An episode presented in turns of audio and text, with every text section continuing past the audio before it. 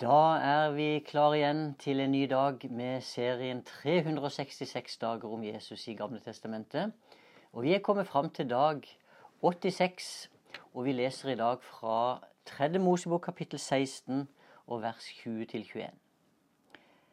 Når Aron har fullført soningen, skal han føre fram den levende bukken, legge begge hendene på hodet til bukken og bekjenne over den hele israelittenes skyld, alle lovbruddene og syndene deres. Han skal legge dem på hodet til bukken. Så skal han la en mann som står ferdig, sende den ut i ørkenen. Tittelen i dag er 'Syndebukken har blitt ført ut i ørkenen'. Hvert år, på den tiende dagen i den sjuende måneden, så ble den store soningsdagen gjennomført i Israel. Og hensikten, det var at det skulle gjøres soning sånn at alle ble rene. Mange ulike dyr ble slakta til soning, både for prestenes og folkets synder. Men det ble også tatt ut en bukk som ikke skulle slaktes. Denne bukken ble ført fram for folket, og der fikk de se hvordan Aron la sin hånd på bukkens hode, og mens han bekjente israelittenes skyld over den. Alle lovbruddene, alle syndene de hadde gått, ble lagt på den bukken. Og etterpå så står det at en mann fikk i oppgave å føre denne bukken ut i ørkenen, og på den måten så bar denne bukken bort alle syndene og ut i ødemarka. Ordet syndebukk det har jo selvsagt oppstått fra denne skikken. Da døperen Johannes mange hundre år seinere pekte på Jesus og sa 'Se, der er Guds lam, som bærer bort verdens synd', så var det jo syndebukken han så for seg. Ordningen med å legge folkets synder på bukkens hode, det skulle jo oppfylles i Jesus Kristus. Og det er jo dette som er sentrum i Skriften, og som hele vår tro bygger på. Jesus kom ene og alene for at denne soningen skulle kunne finne sted. Og det som skjedde i påska med Jesus, det er verdens viktigste begivenhet. Det er da liksom alt faller på plass.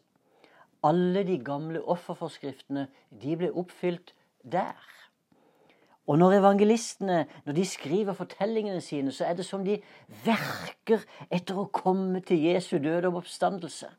Johannes for eksempel, han bruker elleve kapitler på å beskrive de tre og et halvt første årene av Jesu tjeneste, mens han, mens, bruk, mens han, bruker de ti neste kapitlene bare på å fortelle hva som skjedde den siste uka av Jesu liv. Altså halve evangeliet handler om dette. Det viser at det som skjedde med Jesus i påska, det er jo det alt handler om. Hele Jesu tjeneste det var jo en forberedelse til hans død og oppstandelse. Og så var det på korset det skjedde. Det var der Jesus ble utvalgt til å være syndebukken. Ikke bare det ene året, men en gang for alle. Han ble den ene syndebukken som verden trengte. Og de som sto rundt korset, de forsto ikke hva det innebar der og da. De så en mann som led fryktelig. For korsdøden, det var jo en forferdelig lidelse. Kanskje uten sidestykke i historien. Og de så Jesu vanær og skam. De så at han ble blottlagt der i full offentlighet. Først måtte han gå gjennom Jerusalems gater som en kriminell. Etterpå ble han hengt naken på et kors mellom to drapsmenn.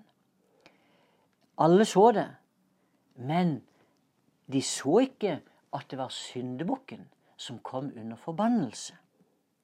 Mens Jesus hang på korset, så skjedde det noe som ikke noen mennesker kunne se. For Jesu far la sin hånd på sin sønn og sa, nesten sånn som Aron gjorde på bukken, og så sier Gud, la alle sykdommer komme over min sønn nå. La all synd komme over min sønn nå. Aldri har det vært samla så mye synd på ett sted som akkurat da.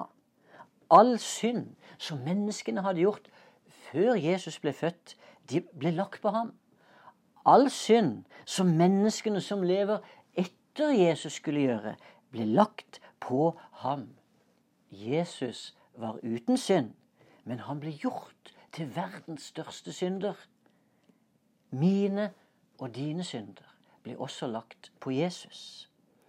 Mine og dine sykdommer ble lagt på Jesus. Tenk hvor alvorlig det kan være med bare én synd. Jesus bar alle syndene som har fantes og som finnes gjennom hele historien, på én gang. Tenk hvor vondt det kan være bare å ha én sykdom.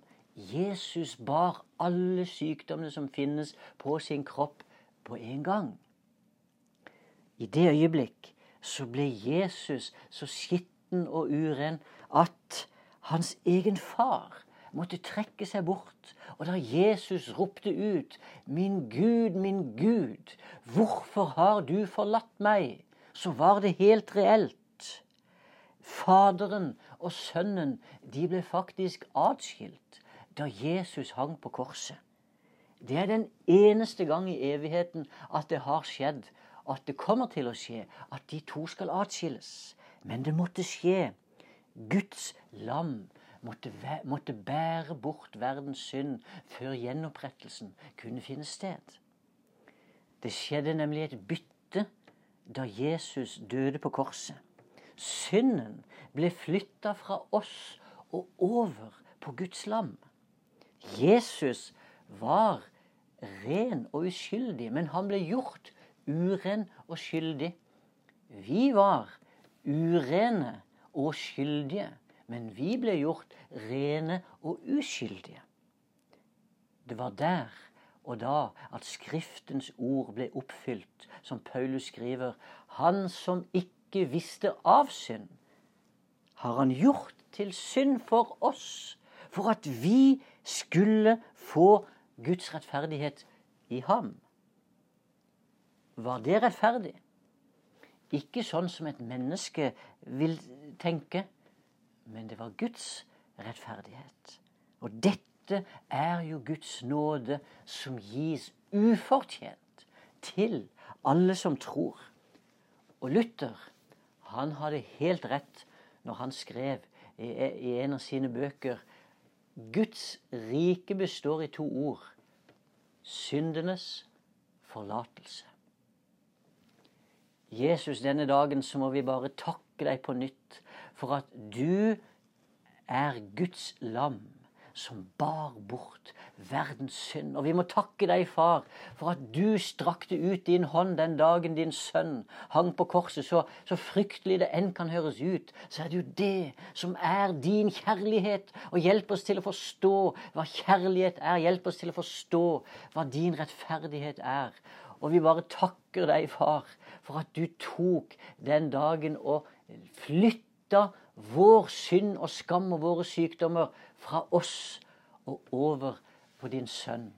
Og vi priser deg, Jesus, for at du var villig. For at du var villig til å gå den veien, og at du bar bort syndene våre en gang for alle. I Jesu navn. Amen.